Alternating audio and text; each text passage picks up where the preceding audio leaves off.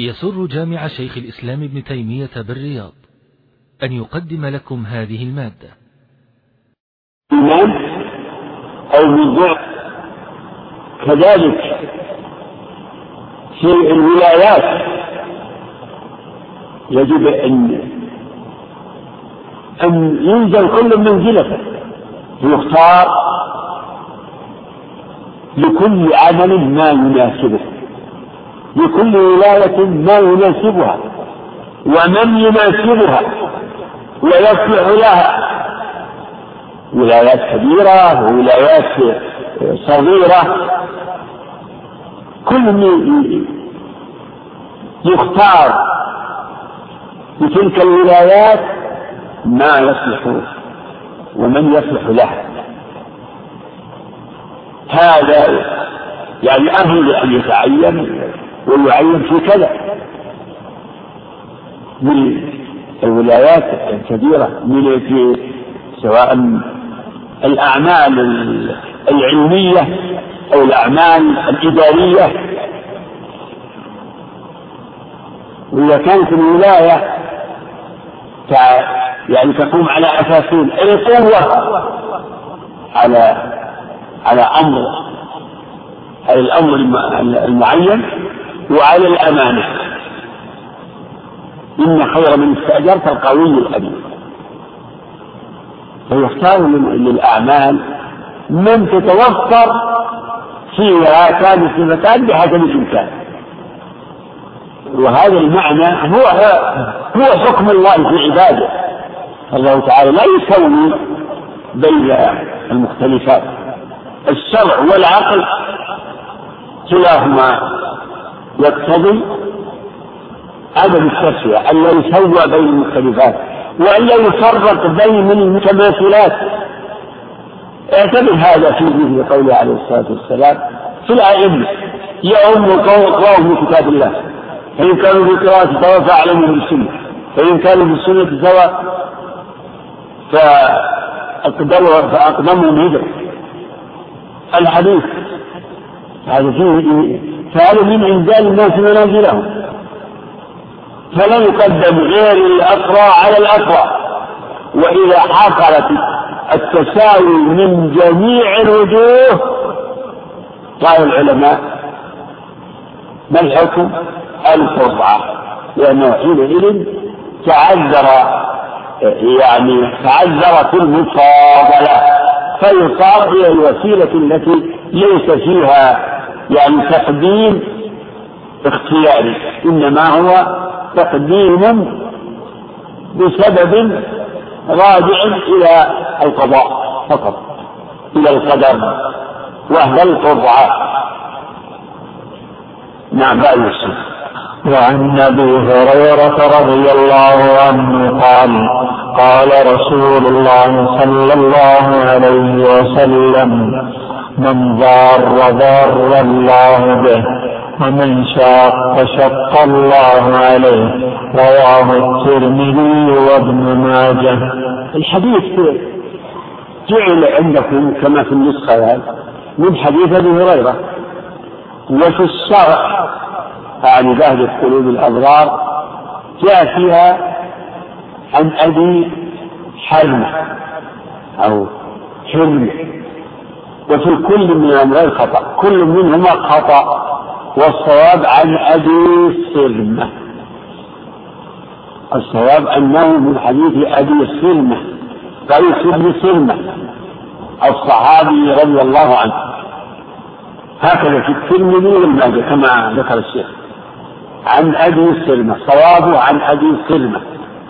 قال قال رسول الله صلى الله عليه وسلم من ضار ضار الله به ومن شاق شق الله عليه.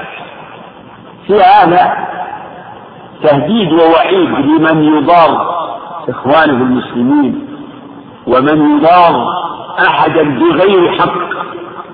فبهذا تحريم المضار تحريم الإضرار للناس والإسقاط على الناس يعني بغير حق.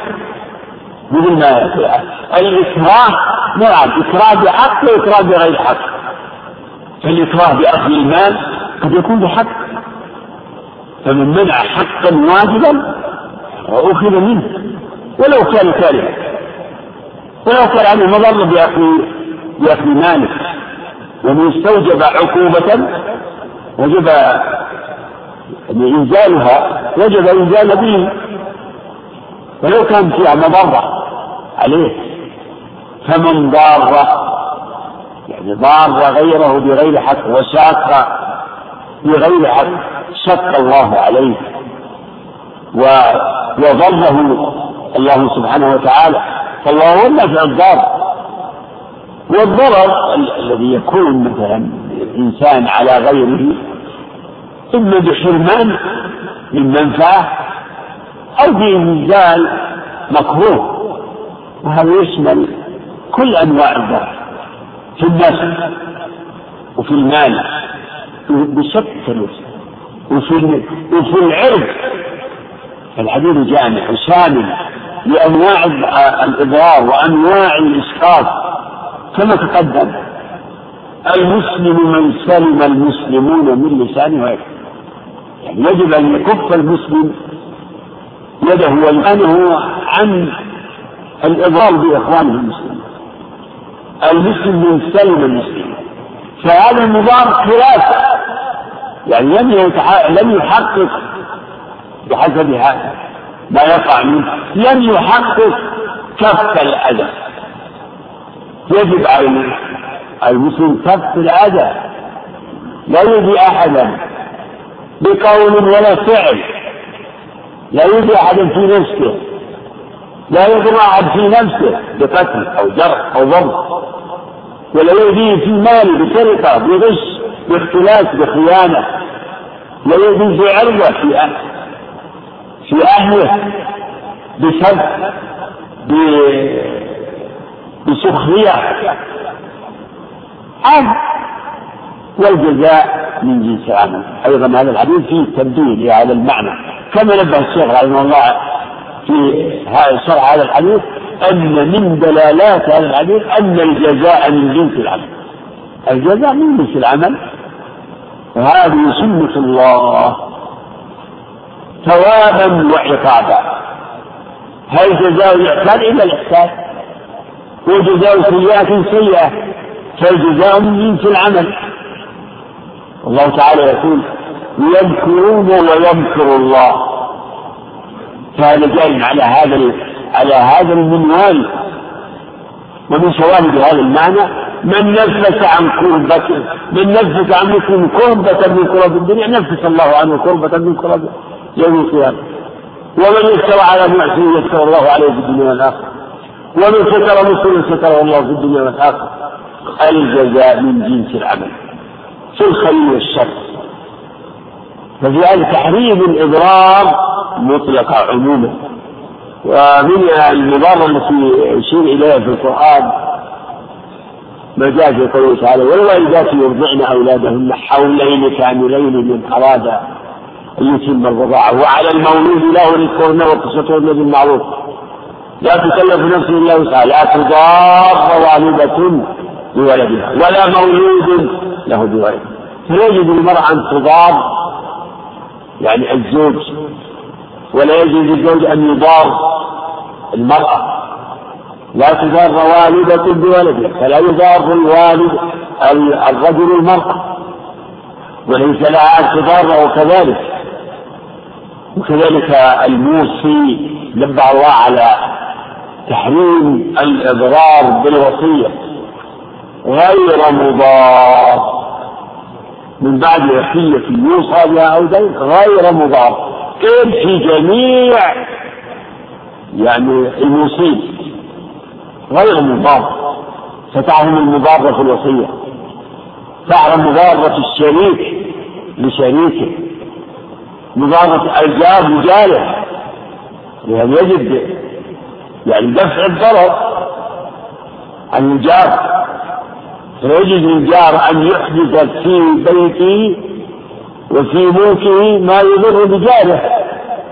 مما لم يكن معروفا ومعتادا فيها أمور كما يقول الفقهاء لا يزال الضرر بالضرر. ولذلك تبين إن هذا الحديث أيضا على منوال ما قبله وما بعده أنه من جوامع الكلم وفي الحديث الآخر مما يشهد بهذا لا ضرر ولا ضرار.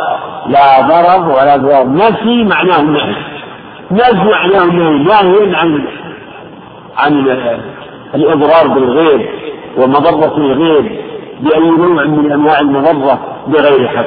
وفي حديث وفي الحديث الذي عندنا فيه ذكر المقابلة وأن الجزاء من جنس العمل. نعم. وعن أبي ذر الغفاري رضي الله عنه قال قال رسول الله صلى الله عليه وسلم اتق الله حيثما كنت وأتبع السيئة الحسنه تمحها وخالق الناس بخلق حسن رواه الإمام أحمد والترمذي. هذا الحديث هو مما أورده النووي في الأربعين وقال إنه عن عن معاذ بن جبل وأبي ذر أن النبي صلى الله عليه وسلم قال اتق الله حيثما كنت وأتبع السيئات الحسنة تمحها وخالق الناس بخلق حسن. فتضمن هذا الحديث ثلاث وصايا من النبي صلى الله عليه وسلم. ثلاث أجمعها الأولى اتقوا الله حيثما كنت. هذه الوصية هي وصية الله. للأولين والآخرين والنبيين وعموم الناس. ولقد وصينا الذين أوتوا الكتاب من قبلكم وإياكم أن يتقوا. يا أيها النبي اتق الله. يا أيها الناس اتقوا ربكم. يا أيها الذين آمنوا اتقوا الله. كم نجد في القرآن من الأمر بالتقوى؟ وصية جامعة. وصية جامعة. وأصل التقوى اتقاد الوقاية. أما يضر هذا أصلها في اللغة. وحقيقتها في الشرع حقيقتها اتقاء سخط الله وعذابه بفعل ما أمر به وترك نهى عنه فالوقاية من سخط الله وعذابه يمتثل الأوامر واجتناب النواهي. يا أيها الذين آمنوا قوا أنفسكم وأهليكم النار. إنما تكون الوقاية من النار بفعل ما أمر الله به وترك ما نهى عنه. يعني مروهم بما أمر الله به. احملوهم على ذلك. نهوهم عما نهى الله عنه. احملوهم على الترك. ترك ما نهى الله عنه. وقوله حيث ما كنت يعني في أي مكان كنت. شاهدا مع الناس. حاضرا. غائبا. منفردا. مجتمعا. في جميع أحوالك في الأمن والخوف والعسر واليسر في جميع الأحوال في الحضر والسفر. اتق الله حيثما كنت. هذا يتضمن الأمر بمراقبته سبحانه وتعالى في جميع الأحوال. فإنه تعالى على كل شيء شهيد.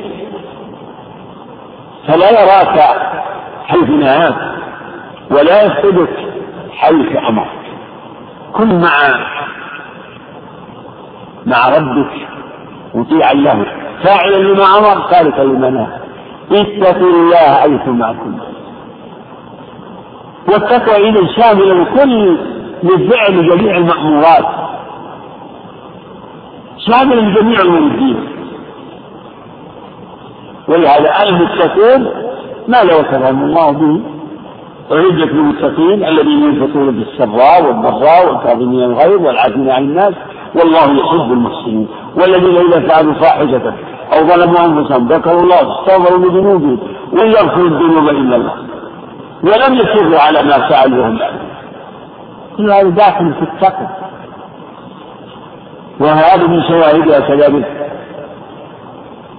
ليس البر أن تولوا وجوهكم قبل المشرق والمغرب ولكن البر من آمن بالله واليوم الآخر والملائكة والكتاب والنبيين إلى قوله الصابرين في البأساء والضراء وحين البأس أولئك الذين صدقوا وأولئك هم المتقون. فالتقوى شاملة لجميع أمور الدين. لكن إذا اقترنت التقوى بالبر اختص البر بفعل الحسنات والتقوى بترك السيئات. أما إذا أفردت التقوى بالذكر شملت فعل المأمورات وترك المنهيات اتقوا الله. ويدخل في ذلك حق الله بالدرجة الأولى. أول أولى وأول ما يدخل في التقوى هي حقوقه سبحانه وتعالى على عباده وما فرض عليهم من الشرائع ثم قال وأتبع السيئة. الوصية الثانية أتبع السيئة الحسنة. اجعل الحسنة تتبع السيئة وتعقل السيئة. لتجهدها. إن الحسنات يذهبن السيئات. وأعظم ما يذهب السيئات المرد بالحسنة والسيئة حسنة العمل وسيئات العمل لأن الحسنات والسيئات في القرآن نوعان. حسنات وسيئات العمل وحسنات وسيئات الجزاء. وبلوناهم بالحسنات والسيئات هذه حسنات وسيئات الجزاء. وقالوا إن الحسنات يذهبن السيئات هي حسنات وسيئات العمل. من جاء بالحسنة من جاء بالسيئة حسنة العمل وسيئة العمل. وهما المراد في هذا الحديث. وأتبع السيئة الحسنة تمحها وأعظم ما ما يذهب بالسيئات ويرفع السيئات التوبة النصوح هذه التوبة لا تضيق بأي ذنب. الشرك وأنواع الكفر يمحى تمحى بالتوبة. قال الله في الكفار أهل التثليث لقد كفر الذين قالوا إن الله ثالث ثلاثة وما من إله إلا إله واحد. وما من إله إلا إله واحد. وإن لم ينتهوا عما يقولون ليمسن الذين كفروا منهم عذاب أليم. أفلا يتوبون إلى الله ويستغفرونه؟ والله غفور رحيم. معناه أنهم مدعوون للتوبة. فلو تابوا تاب الله عليهم. وقال كذلك في الذين يعذبون المؤمنين والمؤمنات. يعذبونهم في الله. إن الذين فتنوا المؤمنين والمؤمنات ثم لم يتوبوا. فلهم عذاب جهنم ولهم عذاب الحريق. معناه أنهم لو تابوا تاب الله عليهم. ووقاهم العذاب فهذه أعظم وهناك مكفرات الذنوب العملية الصلوات الخمس. والجمعة إلى الجمعة ورمضان إلى رمضان وقيام رمضان وصيام رمضان والحج الأعمال الصالحة مكفرات. من حج هذا البيت فلم يرفث ولم يفسق. رجع من ذنوبه كيوم ولدته امه فهذه الوصية الثانية لأن الإنسان لا بد أن تقع منه شيئا. لا يمكن أن أن أن يتحقق بالتقوى على وجه الكمال المطلق. لا بد أن تقع. فأرسل النبي عليه الصلاة والسلام إلى ما جعله الله ماحيا وواقيا من شر السيئات وأتبع السيئة الحسنة تمحو. الوصية الثانية تتعلق بحقوق الخلق هو خالق الناس. بخلق حسن عامل الناس. المعاملة الحسنة. وهذا يدخل فيه ما يجب وما يستحب. ما يجب وما يستحب. فكف الأذى والظلم والإضرار هذا واجب. من المعاملة الواجبة معاملة حسنة. المسلم من سلم المسلمون من لسانه ويده كف الأذى هذا واجب لكنه من الخلق الحسن. وبذل الحقوق كذلك الحقوق الواجبة. من من الخلق الحسن أن يعرف الإنسان الدين الذي عليه مثل نفسه. رحم الله رحم الله عبدا. سمحا إذا باع سمحا إذا اشترى سمحا إذا قضى سمحا إذا اقتضى. السموحة والسهولة في البيع والشراء القضاء والاقتضاء فمخالفة يعني منها ما هو؟ منها ما هو واجب. أداء الحقوق بسماحة وبطيب نفس وبسهولة. وهذا من الظلم مطل الغني. مطل الغني ظلم. وكذلك متابعة يعني إنظار المعسر. إنظار المعسر من من الخلق الحسن الواجب. المعسر المدين المعسر يجب إنظاره ومن المستحب طلاقة الواجب لا تحقرن من المعروف شيئا ولو أن تلقى أخاك بوجه طلق. يلص الكلام التواضع. هذا واجب. لأن الكبر حرام. احتقار الناس يحسب امرئ من الشر أن يحقر أخاه المسلم فهذه الوصية تفصيلها في الكتاب والسنة. بما دلت عليه من واجب ومستحب في معاملة الخلق. إذا قوله وخالق الناس بخلق حسن يشمل الإحسان الواجب المستحب وكف الأذى ومن تفصيل ذلك ما جاء في الآية المتقدمة الذين ينفقون بالسراء والضراء الذين ينفقون بالسراء والضراء والكاظمين الغيظ والعافين عن الناس والله يحب المحسنين. فالإحسان إلى الناس بأنواع الإحسان هو من حسن الخلق. العفو عن المسيء وجزاء سيئات سيئات مثل فمن عفا وأصلح فأجره على الله. فالعفو والصبر على أذى الناس واحتمال أذاه داخل فيها من حسن الخلق الصبر. الصبر على الأذى العفو الحلم توقير الكبير ورحمة الصغير وتعليم الجاهل وإرشاد الضال ورد السلام وابتداء السلام. يعني هذا كله مصور يعني يبين لنا أن هذه مصايا جامعة فيها شمولية وتفصيلها يستمد تفصيلها يستمد من نصوص القرآن وحديث الرسول عليه الصلاة والسلام. وخالق الناس بخلق حسن فتضمن هذا الحديث ذكر حقوق الله وحقوق العباد. وإن كان مخالقة الناس بخلق حسن يندرج في التقوى لأن التقوى الشاملة فيها شمولية تتضمن يعني أداء الحقوق و وفعل الصالحات بأنواعها مما يتعلق بحقوق الله أو يتعلق بحقوق العباد. لكن الرسول عليه الصلاة والسلام ميزها في هذا الحديث. فنص على الوصية الجامعة التي آه، يقصد منها أولا أداء حقوق الله ثم ذكر حقوق العباد.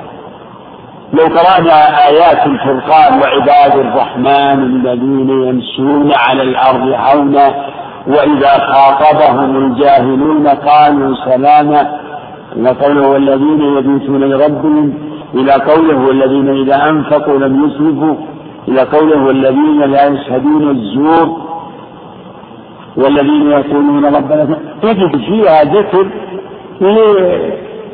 لجملة من حقوق الله وحقوق العباد. نفس الآية المتقدمة ليس البر أن تولوا وجوهكم إلى قوله وآتى المال على حبه ذوي القربى واليتامى والمساكين وابن السبيل السائلين في الرقاب. يسألونك ماذا ينفقون؟ قل ما أنفقتم من خير فللوالدين والأقربين وهكذا أيضا قوله واعبدوا الله ولا تشركوا به شيئا وبالوالدين إحسانا آية الحقوق العشرة. ذكر الله حقه الأعظم وهو التوحيد ثم قال وبالوالدين إحسانا وبذي القربى واليتامى والمساكين وجلد القربى وجل الجنب والصاحب بالجنب وابن السبيل. هذه آية الحقوق العشرة. هذه الحقوق التسعة بعد حق الله. كلها داخلة في قوله صلى الله عليه وسلم وخالق الناس بخلق حسن. بالوالدين وصلة الأرحام وإحسان إلى الجيران واليتامى والمساكين والمماليك وفي حكمهم الخدم. وكذلك معاملة الصاحب. وهذه كما قلنا تكون بالأقوال وبالأفعال. وخالق الناس بخلق حسن. فما أسعد عبدا تخلف وعمل بهذه الوصايا القيمة الوصايا الجامعة.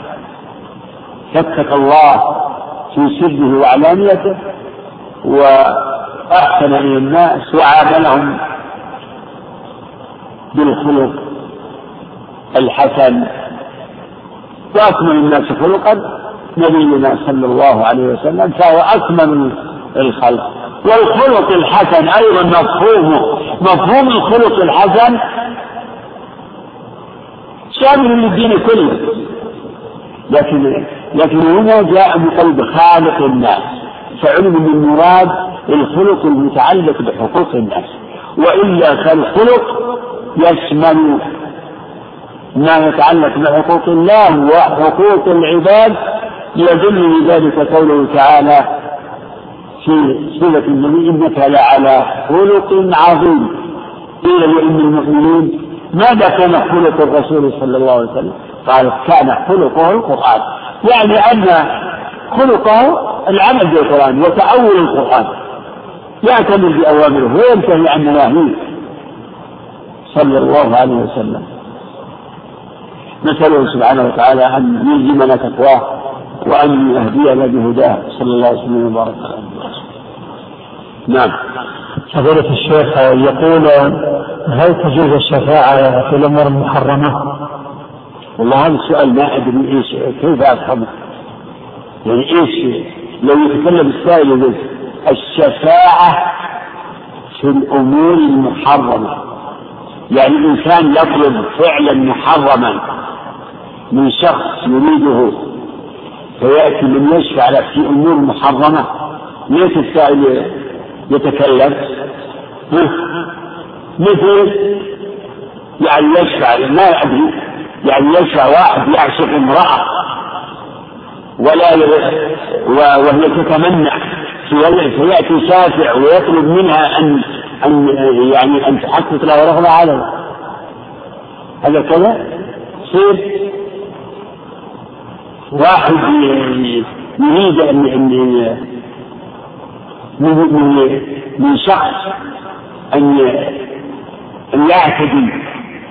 يطلب من شخص أنه يفعل مع ذاك يعتدي عليه. يأكل من يأتي من يريد الشفاعة يطلب منه أن يستجيب لرغبة هذا الظالم.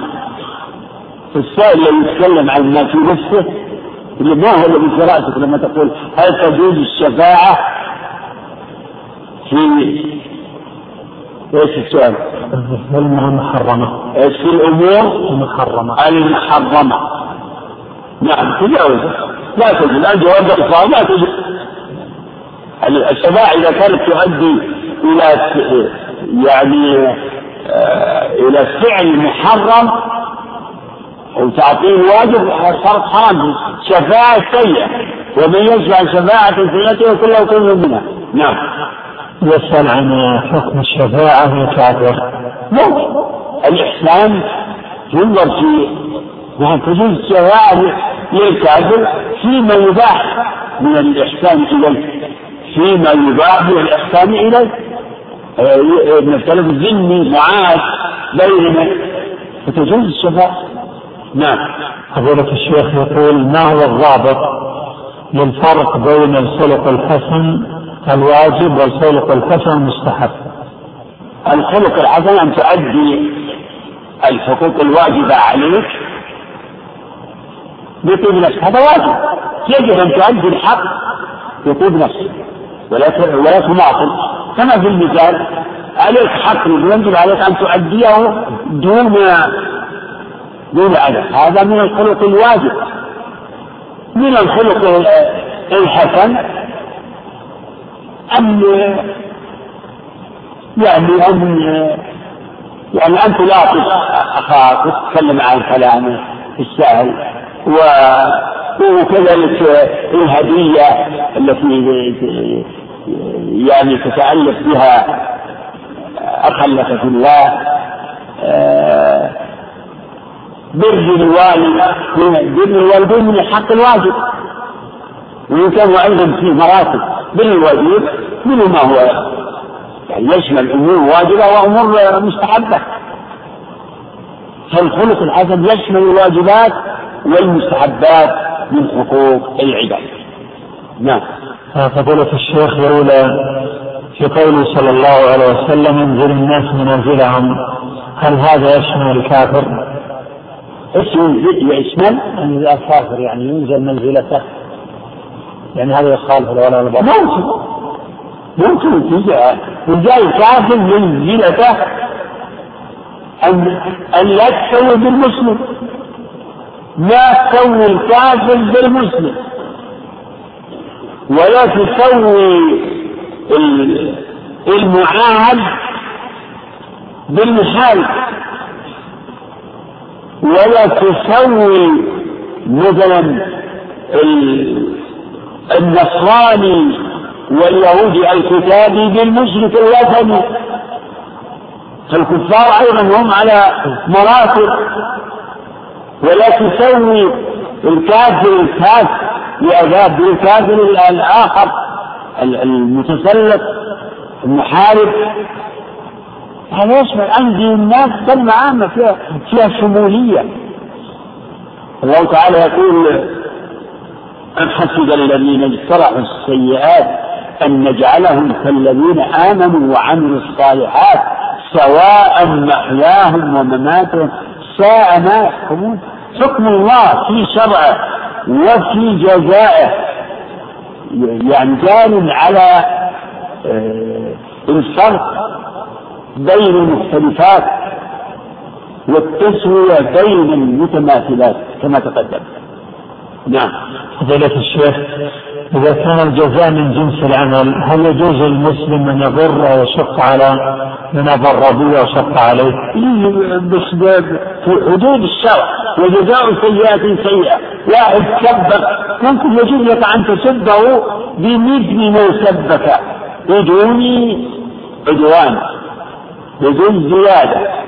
من أخذ مالك يجوز أن تأخذ أن تأخذ مالك تطالبه. وتأخذ حقك. أما مسألة الظفر هذه فقط فيها الظفر يعني الإنسان له حق على شخص فظفر بشيء هذه محل كلام وخلاف بين الفقهاء.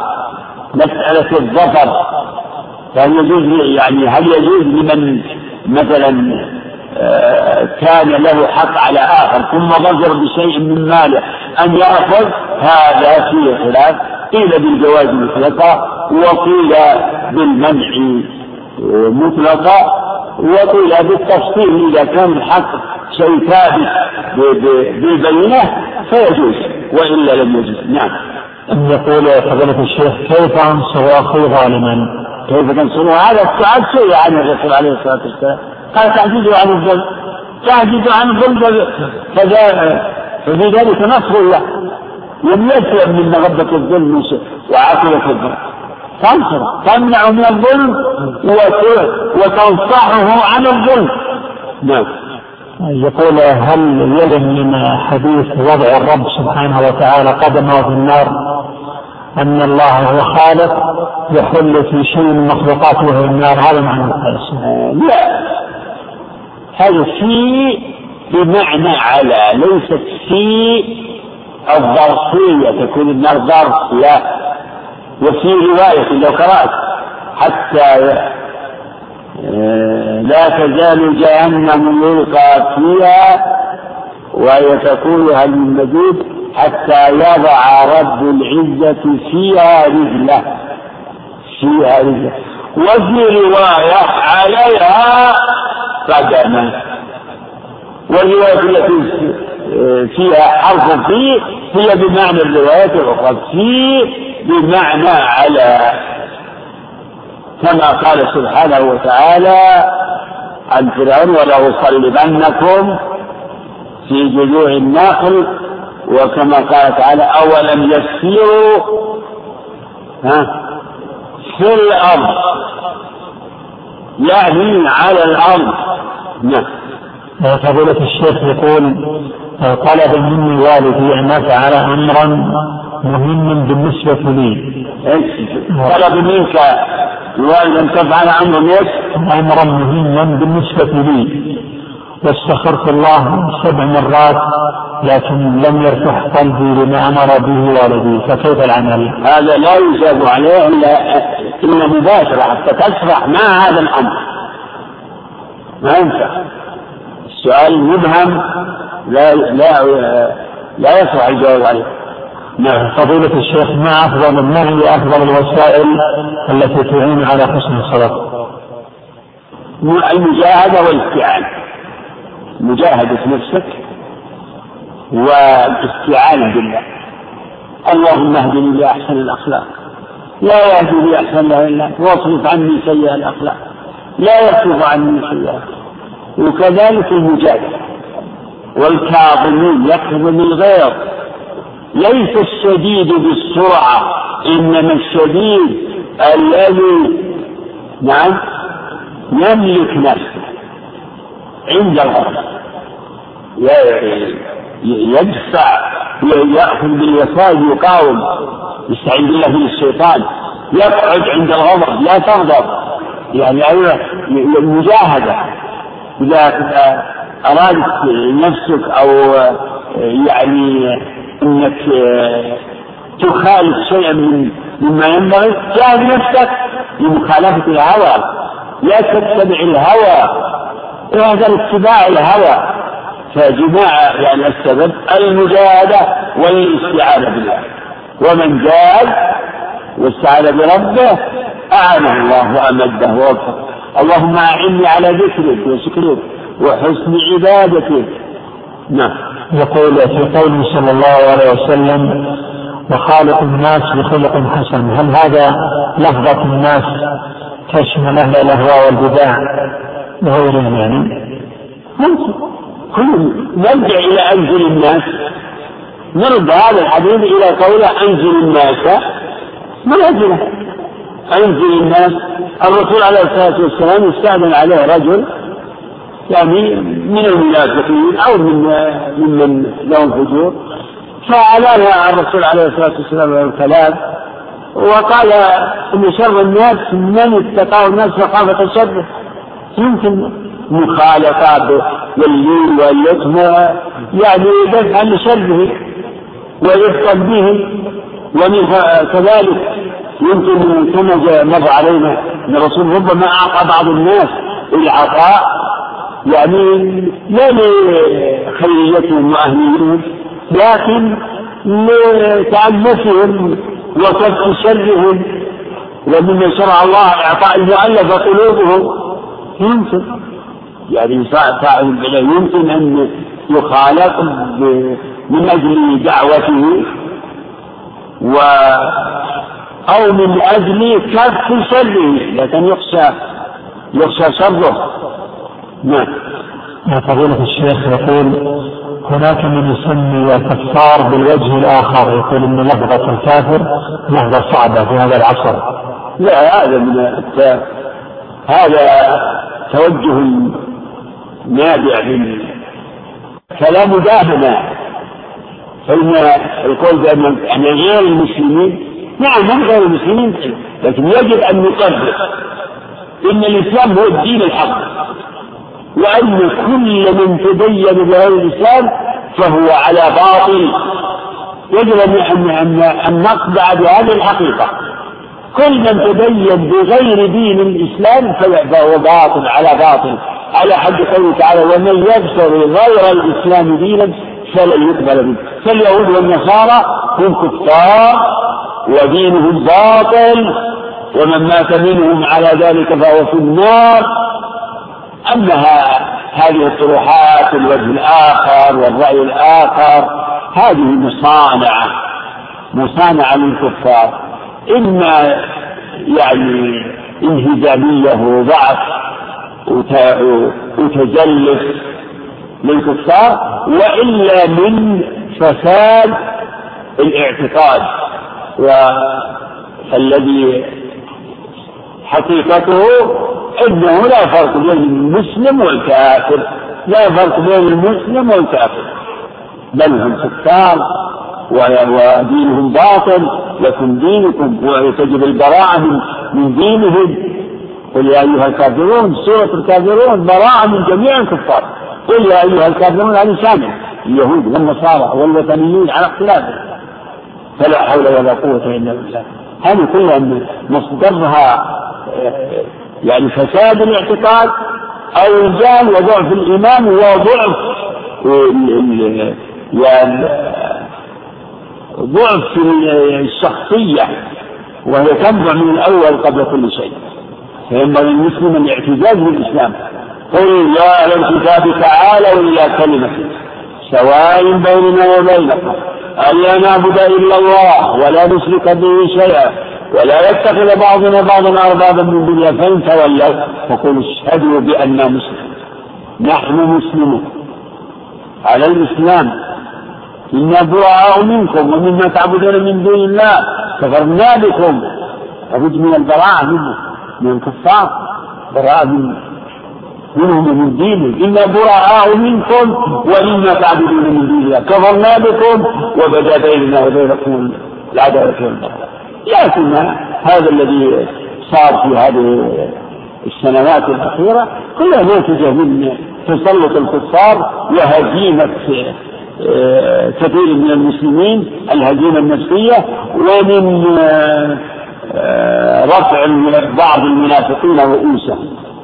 يعني المنافقين إذا طوى سلطان يعني ضعف سلطان الحق أهل الحق رفعوا رؤوسهم وفاهوا بما في صدورهم.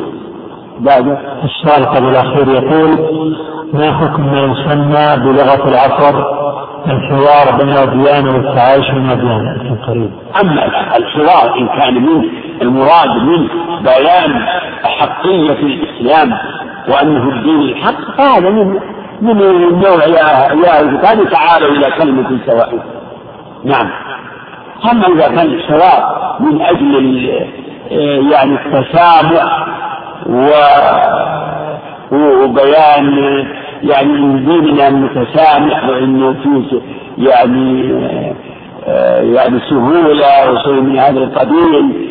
إذا كان المقصود منه التقرب للكفار هذا باطل إذا كان من بيان أيضا يعني ما افتراه الكفار على الإسلام والمسلمين هذا من الحق. هذا يرجع إلى موضوعات الحوار. ولم يظهر إن الغالب على ما يذكر من هذه الحوارات هو يعني تحقيق آه، المداهنة والمصانعة والتقليد. يعني هناك دعوة للتقليد بين المسيحية والإسلام.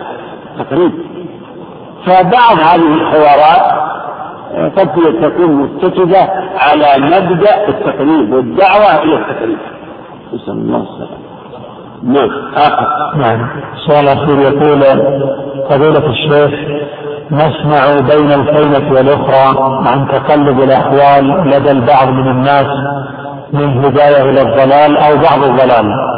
وقد يكون طالب علم هذا هذا المتقلب فما هو السبب الرئيس في مثل هذه الأحوال المزعجة أرجو الإجابة على هذا السؤال الذي أتصور أنه يدور في قلب أكثر من شخص. لا إله إلا الله. في الدعاء المأثور عن النبي صلى الله عليه وسلم يا مقلب القلوب ثبت قلبي على دينك. فالقلب القلوب بين أصبعين من أصابع الرحمن. يقيمها إذا شاء ويزيغها إذا شاء. فالتقلب الذي يحصل للإنسان تارة يستقيم وتارة ينحرف أو يتحول من من استقامة للانحراف من بعيد أو قريب. راجع إلى تصريف الله للقلوب. فمن كان فيجب الدعاء بالهداية لمن ضل أو انحرف عن سبيل الله أو عن بعض سبيل الله يدعى له بالهدى نسأل الله أن يهدي ضال المسلمين. نسأل الله تعالى أن يثبتنا وإياكم بالقول الثالث في الحياة الدنيا وفي الآخرة. نقول يا مقلب القلوب ثبت قلوبنا على دينك والله أعلم. بسم الله الرحمن الرحيم. الحمد لله رب العالمين والصلاة والسلام على رسول الله وعلى آله وأصحابه أجمعين. أما بعد قال المؤلف رحمه الله تعالى وعن عبد الله بن عمر رضي الله عنهما قال قال رسول الله صلى الله عليه وسلم الظلم ظلمات يوم القيامة متفق عليه. الحمد لله صلى الله وسلم وبارك على عبده ورسوله وعلى آله وصحبه. ومن يتبع من هداه عن ابن عمر رضي الله عنهما أن النبي صلى الله عليه وسلم قال الظلم ظلمات يوم القيامة. أصل معنى الظلم وضع الشيء في غير موضعه. وهو في الشرع اسم لكل ما خالف شرع الله. وهو ثلاثة أنواع. الظلم الذي هذه حاله ظلم في حق الله. ولا أقول ولا أقول إنه ظلم لله. فلا يقال إن العبد يظلم ربه بمعصيته أو بالشرك لكنه يظلم نفسه في حق في حق الله. وما ظلمونه ولكن كانوا أنفسهم يظلمون. الظلم في حق الله وهو الشرك وهو أظلم الظلم.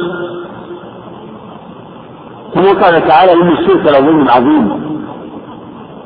ولما نزل قوله تعالى الذين آمنوا ولم يلبسوا إيمانهم بظلم أولئك لهم الأمن وهم مهتدون. شق ذلك على أصحاب رسول الله صلى الله عليه وسلم فقالوا ألم لم يظلم نفسه إنسان. معرض لظلم نفسه يعني بالمعصية بالمعاصي بالذنوب. فبين لهم الرسول عليه الصلاة والسلام أنه أنه ليس الظلم المانع المنافي للأمن والهدى أي ظلم. إنما المنافي كل المنافاة للأمن والهدى هو الشرك فالشرك هو الذي لا أمن معه ولا هدى. نعم. كل ظلم يفوت قدرا من الأمن والهدى. فمن نجا من الظلم كله فاز بالأمن والهدى. ومن نجا من الشرك الأكبر فله أمن فله مطلق أمن ومطلق هدى لأن لأن التوحيد يحصل به الدخول في الإسلام ويحصل به النجاة من الخلود في النار.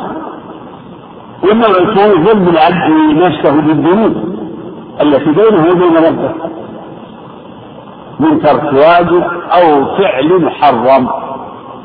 كما قال تعالى ثم أورثنا ثم أورثنا الكتاب الذين اصطفينا ثم أورثنا الكتاب الذين اصطفينا من عبادنا. فمنهم ظالم لنفسه ومنهم مقتصد ومنهم سابق بالخيرات فالظالم لنفسه هو الذي يترك بعض الواجبات ويفعل بعض المحرمات. والثالث بين العباد في دمائهم وأموالهم وأعراضهم. كما قال عليه الصلاة والسلام إن في خطبته يوم النعر إن دماءكم وأموالكم وأعراضكم عليكم حرام كحرمة يومكم هذا في شهركم هذا في بلدكم هذا. وفي الحقيقة أن كل من أنواع الظلم هو ظلم من العبد لنفسه ظلم لنفسه. الشرك هو أعظم ظلم نفسه وظلم العباد بأموالهم هو داء لكن هذا التصنيف يتبين تتبين به الأحكام فللشرك حكم يخصه. ولسائر المعاصي حكم يخصه. وظلم العباد له حكم. وهذا ظهر هذا الفرق في في باب التوبة. يحتاج إليه في باب التوبة. فعم الشرك فلا يغفر إلا بالتوبة. إن الله لا يغفر أن يشرك به ويغفر ما دون ذلك لمن يشاء. هذه الآية هي في غير التائبين في من في من لم يشرك. أما التائبون فذكر حكمهم في قوله إن الله يغفر الذنوب جميعا. قل يا عبادي الذين أسرفوا على أنفسهم لا تقنطوا من رحمة الله. إن الله يغفر الذنوب جميعا. وهكذا أيضا في شروط التوبة. التوبة من سائر الذنوب ويتلظ فيها الإقلاع والندم والعزم على أن لا يعود. وفي مظالم العباد اشترط شرط رابع وهو رد المظالم وأداء الحقوق. لأنه لا تتحقق التوبة من ظلم العباد في أنفسهم أو دمائهم أو أموالهم أو أعراضهم إلا ب إلا برد الحقوق الاستعلال. من كان عليه لأخيه كما فعل الحديث. من كان عليه لأخيه مغنى فليتحلل اليوم قبل أن لا يكون دينار ولا درهم فالظلم إذا على مراتب.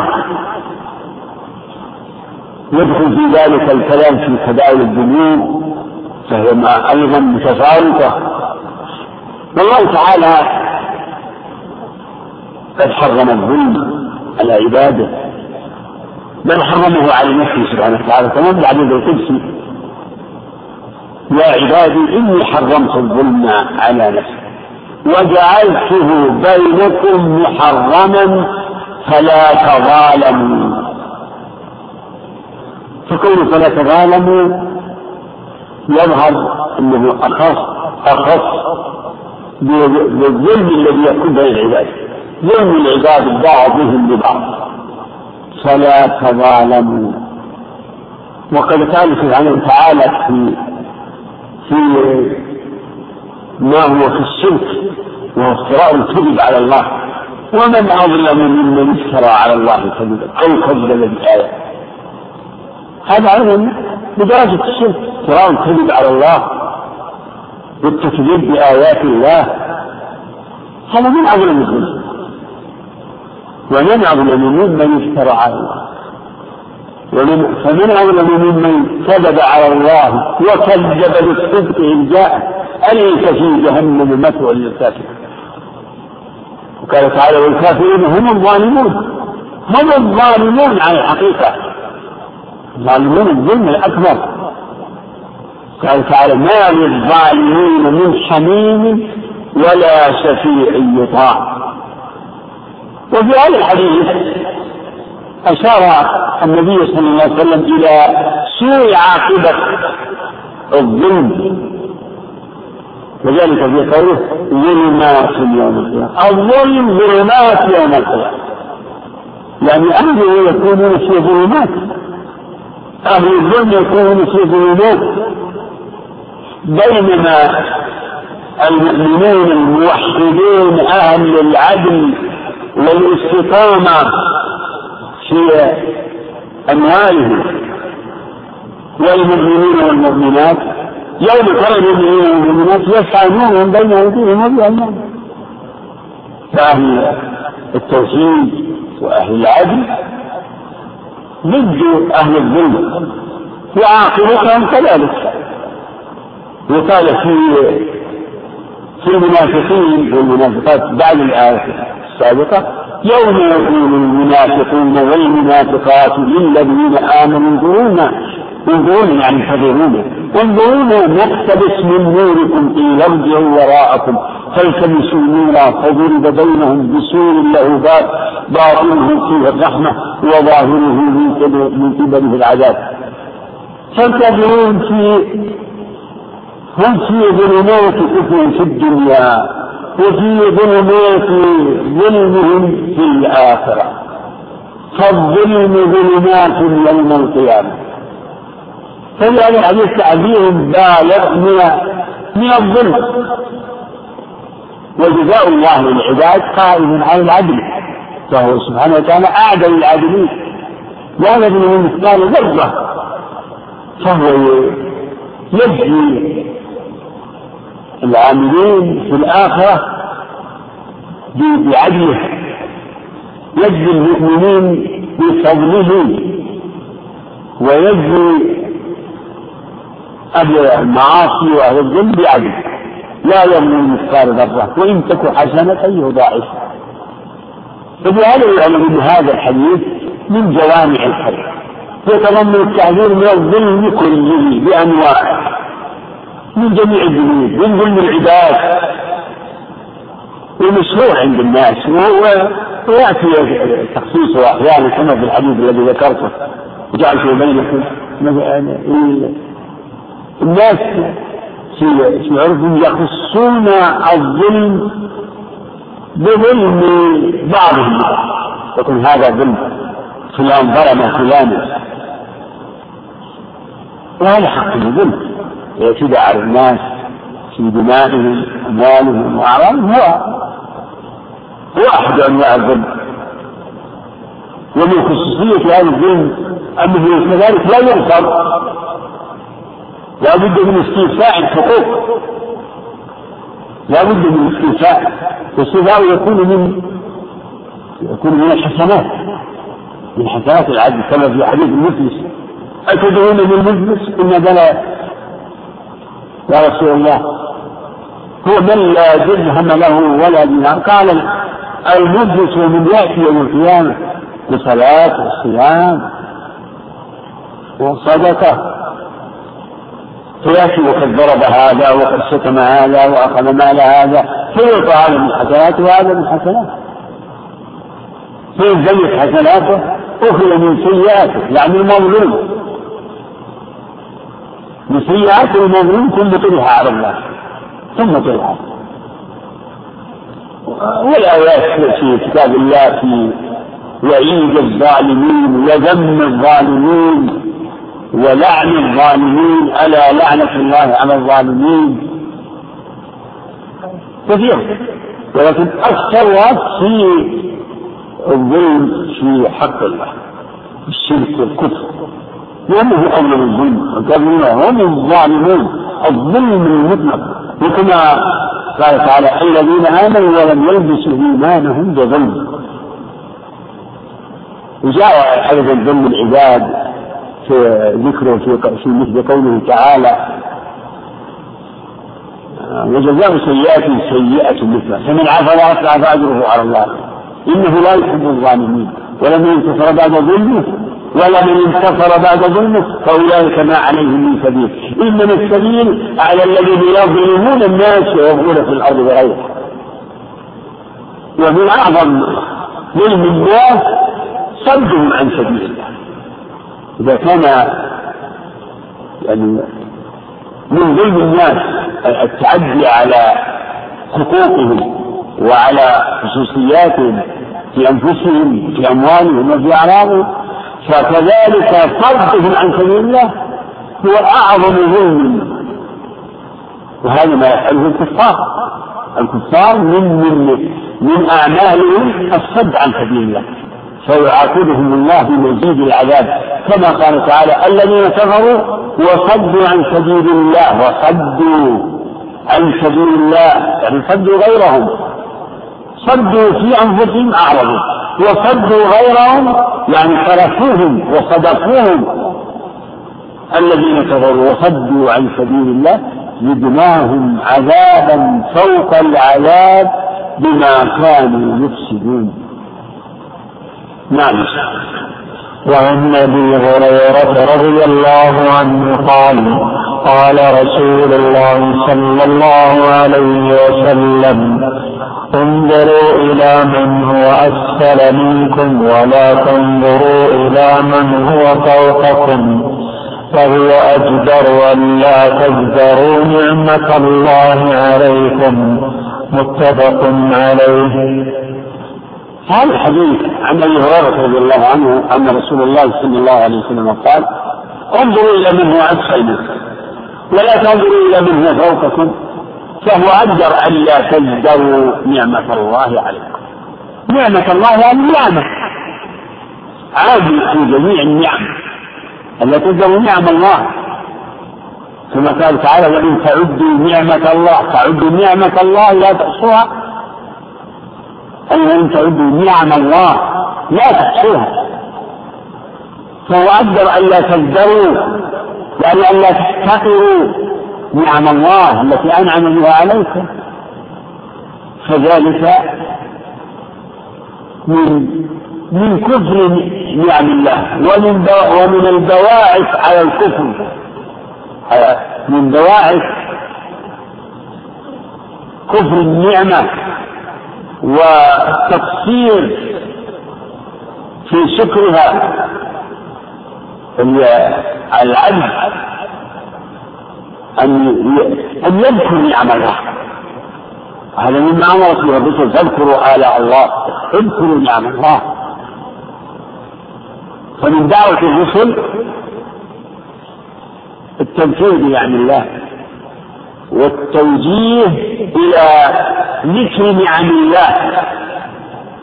فإن ذكر نعم الله من البواعث على شكر على شكرها على شكر موليها شكره بتعظيمه ومحبته والثناء عليه وطاعته والقيام بحقه أما الإعراض عن ذلك فإنه كفران لنعم الله نسيان لله. الغفلة يعني ترك ترك الشكر هو كفر كفر للنعم. وإذ تأذن ربكم لئن شكرتم لأزيدنكم ولئن كفرتم إن عذابي لشديد. فهما متقابلان فقابل الشكر بالكفر. الله تعالى أثنى على الشاكرين. فاذكروني أذكركم واشكروني أمر بالشكر واشكروني ولا تكفرون. وقال اعملوا آل داود شكرا وقليل من عباد الشكور وقال ولكن أكثر الناس لا يشكرون. وفي هذا الحديث إرشاد إلى سبب معين على الشكر إلى سبب من الأسباب المعينة وهو من الأهمية للإسلام وهو أن ينظر الإنسان إلى من؟ من دونه. ممن فضل هو عليه. انظروا إلى من هو أسفل منكم. يعني إلى من دونكم ممن لم يعطى ما أعطيته ولم يتمتع بما تتمتعون به. أنتم كما فيه العموم. يشمل النعم الدنيوية كصح كالصحة البدن وسعة الرزق والولد. و وحسن الهيئة والبنية و والنعم ومن حكمة الله أن فاضل بين العباد فاضل بين العباد في في عطائه كلا يريد هؤلاء وهؤلاء من عطاء ربك. وما كان عطاء ربك محظورا ورفعنا بعضهم فوق بعض درجات ليتخذ بعضهم بعضا سخريا. ورحمة ربك خير مما يجعل وما من عبد في حال إلا لو لو فكر وجد من دونه. ينبغي للمسلم للمسلم أن ينظر إلى من دونه إلى من لم يمتع بما متع به هو من نعم الله. كذلك يبعثه على الشكر وهذا واقع مخصوص. أنت صحيح. إذا رأيت المريض عرفت عرفت نعمة نعمة الله عليك. المريض أو المصاب بشيء في بدنه. ينظر إلى من دونه فتهون عليه المصيبة. تهون عليه المصيبة. فهذا أمر يعني يدركه كل إنسان عاقل. يشهد بذلك الواقع. انظروا إلى من هو أسفل إذا يعني تعين الإنسان من حال من حاله مثلا في صحته أو في همومه أو في ماله ليتعلم من حاله في شيء من هذه الأمور فليتدبر حال من هو فتهون عليه المصيبة.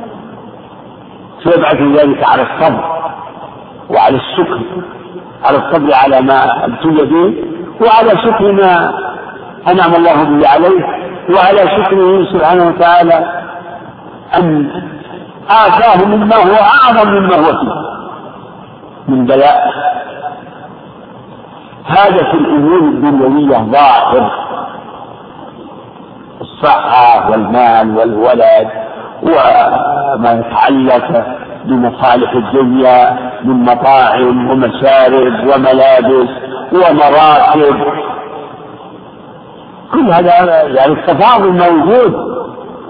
هذا ظاهر. إن أن على الإنسان أن ينظر إلى من هو دونه إلى من هو أسفل منه. فذلك من البواعث على القناعة والطمأنينة والشعور بالغبطه والحامل على استعظام النعمة التي يتمتع بها. الحمد لله. لكن في الأمور الدنيوية الدينية هل هذا يعني معتاد يعني مطلوب أن ينظر الإنسان إلى من هو أسفل منه؟ هذا في الحقيقة محتمل ولكن الأمر يحتاج إلى تفصيل.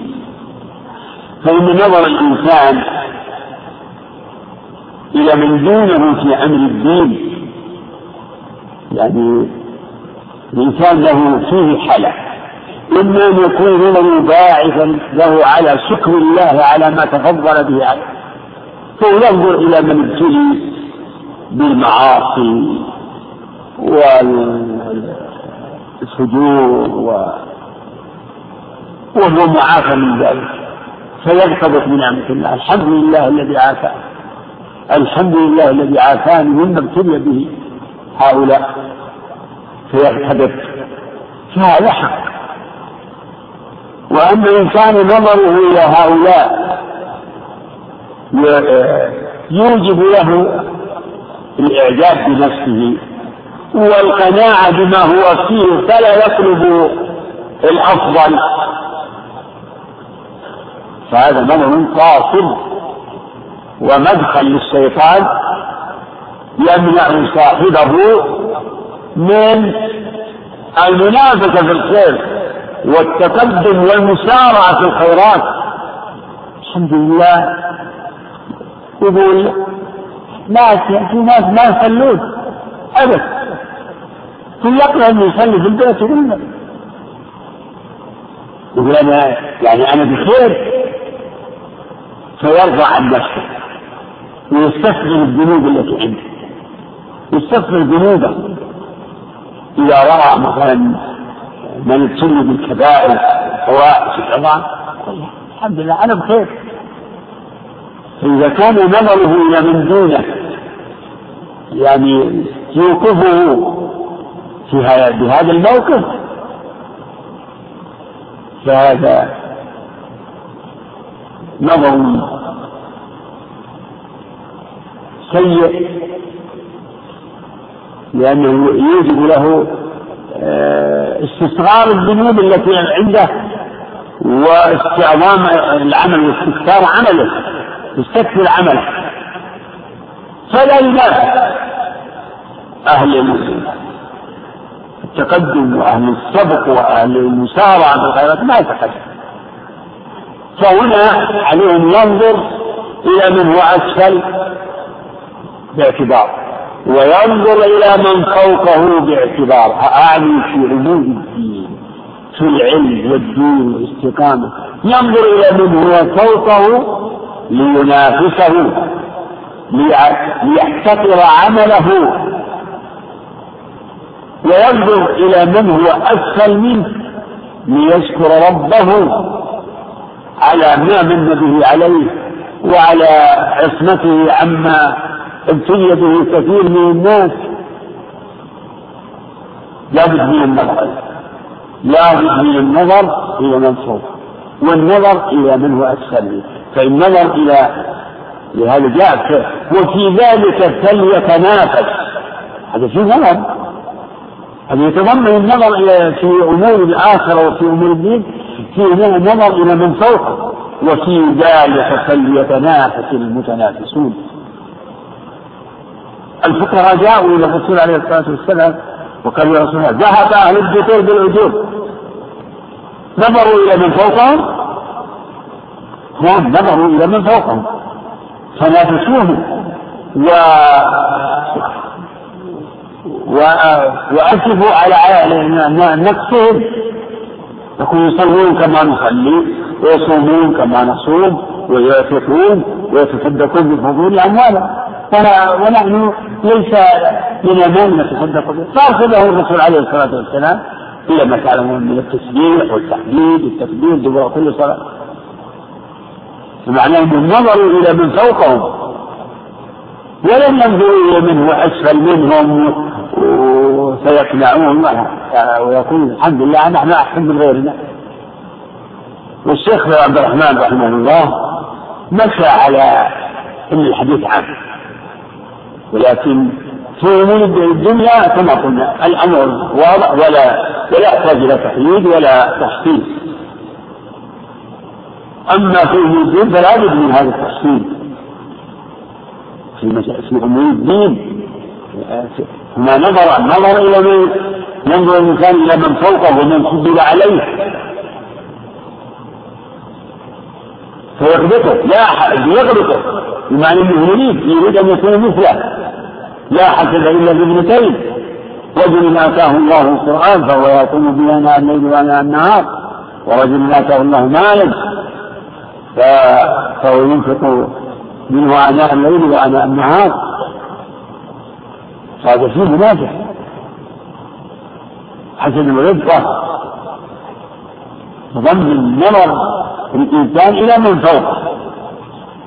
ففي الخير وفي الدين وفي العلم هذا محمود. سابقوا سباق عن أبي منافق. سابقوا إلى مغفرة من ربكم وجنة عرضها كعرض السماء والأرض. والله تعالى حكيم يعني فاضل بين عباده. في في جميع الأمور. فاضل بينهم في في العلم في العقول وفي وفي الدين وفاضل بينهم في الحظوظ الدينية والدنيوية فاضل بين الخلق. ونبه إلى ذلك في كتابه. والله تعالى حكيم عليم في عطائه ومنعه. يعطي ويمنع.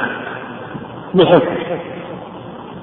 لا مانع لما أعطى ولا معطي لما منع فإذا نظر الإنسان إلى من فوقه في ما فضل عليه من الأمور التي يطلب تطلب المنافسة فيها قال إنه ينافس ويجاهد نفسه ويسأل ربه من فضل يسأل ربه من فضل للرجال نصيب مما اكتسبوا وللنساء نصيب مما اكتسب واسألوا الله من فضله. يعني في هذا في الأمور التي الممكنة التي يمكن أن يبلغها الإنسان ويمكن أن أن يكون آه، مثل إليها.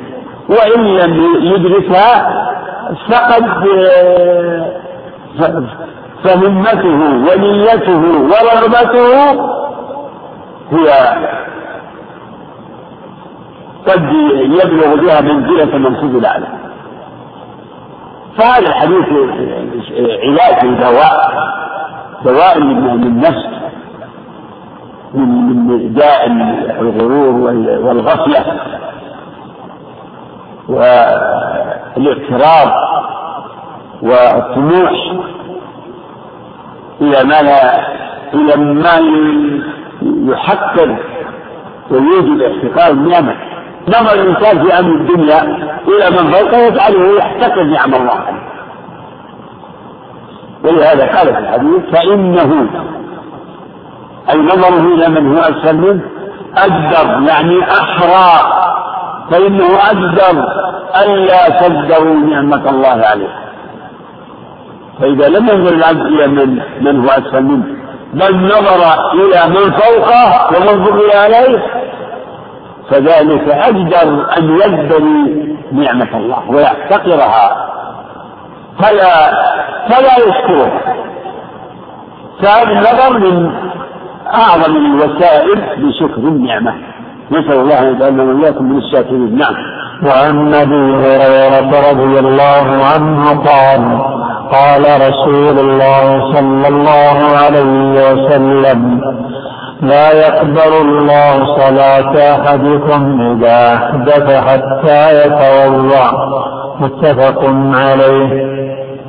هذا الحديث يعني كما تقدم من الشيخ رحمه الله اتخذ هذه الأحاديث آه، من أنواع أبواب العلم منها ما يتعلق بالاعتقاد ومنها أحاديث فيها عموم ومنها أحاديث تتعلق مثلا بالأخلاق ومنها ما يتعلق آه، أيضا بالطهارة كما في هذا الحديث. فهو مجموعه متنوعة. فهذا الحديث؟ هو من أدلة اشتراط الطهارة في الصلاة. قال الله تعالى يا أيها الذين آمنوا إذا قمتم إلى الصلاة فاغسلوا وجوهكم وأيديكم من المرافق وامسحوا برؤوسكم وأرجلكم إلى الكعبة. فأمر الله عباده المؤمنين إذا قاموا للصلاة أن يتوضأوا. وهذه صفة الوضوء غسل الوجه واليدين من المرفقين ومسح الراس وغسل اليدين. ثم إن الرسول صلى الله عليه وسلم بين صفة الوضوء. كما نقل الصحابة عنه ذلك. ودلت السنة أيضا على ما دل عليه. دلت على أن طهارة الصلاة والوضوء شرط في القبول لا لا يقبل الله في الحديث الآخر لا يقبل الله صلاة بغير طهور ولا صدقة من غلول. وفي هذا الحديث لا يقبل الله صلاة أحدكم إذا أحدث حتى يتوضأ. قيل لأبي هريرة ما الهدف؟ قال فستان غراب فهذا مثال مثل به رضي الله عنه. يعني للنوع الذي يقع كثيرا. لا يقبل الله القبول. يتضمن الرضا و والاعتبار في الشرع وموافقة الشرع مقبول. وضد القبول الرد إذا لا نقبل. فما لا يقبله الله؟ فهو موجود. غير مقبول. لا يقبل الله صلاة أحدكم إذا أحدث حتى يتوضأ. ففي هذا دليل على بطلان صلاة المحدث. فمن صلى وهو محدث فصلاته باطلة مردودة غير مقبولة. و ولا مجزئة فلا إجزاء ولا ثواب. لا يثاب عليها ثواب الصلاة الصحيحة. ولماذا نقول ثواب الصلاة الصحيحة؟ لأن خصوصا من صلى ناسيا لحدثه فصلاته غير صحيحة ولا مقبولة. قبول الصلاة الصحيحة. لكنه يثاب على فعله. لأنه لأن صلاته تضمنت ذكرا ودعاء وقراءة. فهو قد عمل لكن هذا العمل وإن يثيب عليه وكلامنا في الناس. وإن يثيب عليه فإنه لا يجزي لأنه وقع على خلاف ما أمر الله.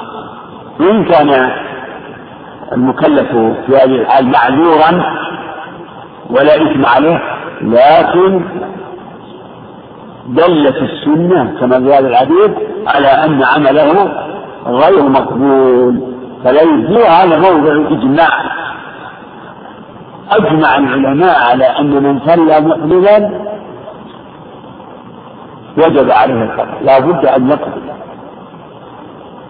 فنسيان الطهارة كنسيان الصلاة وفي الحديث من نام عن أو نسيها فليصليها إذا ذكرها فمن نسي أن يصلي إحدى الصلوات الفجر أو الظهر العصر. نسي ثم ذكر وجب عليه أن يقضيها متى ذكر. هكذا إذا نسي شرطا من شروطه. وأكثر ما يقع من ذلك هو الطهارة.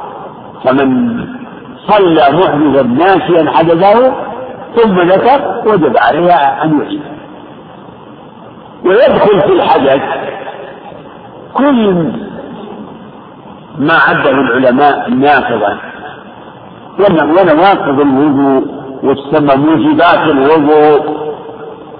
منها ما هو متفق عليه يجمع عليه ومنها ما هو مختلف فيه. فالبول طائر و والمزي خروج. يعني الخارج من السبيلين مما هو معتاد. هذا ناقص بالاتفاق. وما سوى ذلك ففيه خلاف قبلك بمس الفرج مس ومس المرأة بشهوة. وكذلك زوال العقل. فهذه الأمور يعني لا حكم الحدث باعتبار أنها مبطلة مبطلة للوضوء ناقضة للوضوء. فتدخل في الحدث حكما وإن كان الحدث أخف بالخارج من السبيلين قول قائق السبيح ونحو ذلك. وكون حتى يتوضا هذا يختص بالحدث الأصغر. أما الحدث الأكبر وهي الجنابة الطهارة منها بالغسل بنص القرآن كما قال سبحانه وتعالى وإن كنتم جنبا فالطهروا وقال ولا جنبا إلا عابر سبيل حتى تغتسلوا. وهذا كله مجمع عليه في العلم. فنفي إذا نفي القبول يتضمن عدم الحجة في هذا الحديث. بخلاف ما ورد في أمور ورد فيها نفي القبول مثل من أتى كائنا فسأله لم تقبل له الصلاة أربعين يوما فنفي القبول هناك هي فيه أنه يتضمن عدم الثواب. يعني الرد بعدم الثواب لا بعدم الإجزاء. بمعنى أنه لا يؤمر بقضاء تلك الصلوات لكنه يحرم ثوابها. فالمقصود أن هذا الحديث قد تضمن شرطا من آكد شروط الصلاة. الصلاة سواء كانت فرضا أو نفلا. لا يقبل الله صلاة أحد سواء كانت كبيرة أو نفلا وكونه حتى يتوضأ هذا مقيد بما فيها وجد الماء قدر الإنسان عن استعماله. أما من لم يجد الماء أو لم يقدر على استعماله فالله قد بين حكم ذلك في نفس آية الوضوء. حيث قال أو جاء منكم غائط أو لامسه النساء فلم تجدوا ماء فتيمموا صعيدا طيبا. وجاء النبي عليه الصلاة والسلام أنه قال الصعيد وضوء المسلم وإن لم يجد الماء عشر سنين. وقال للذي رآه معتزلا لم يصلي معهم. ما منعك أن تصلي معنا؟ قال أجنبت يا رسول الله ولا ماء. وفرقتني جنابة ولا ماء. فقال عليك بالصعيد فإنه يكفي إذا فيؤخذ من المجموع أنه أن قوله عليه الصلاة والسلام لا يقبل الله صلاة أحدكم إذا أحدث حتى يتوضأ يعني أو يتيمم.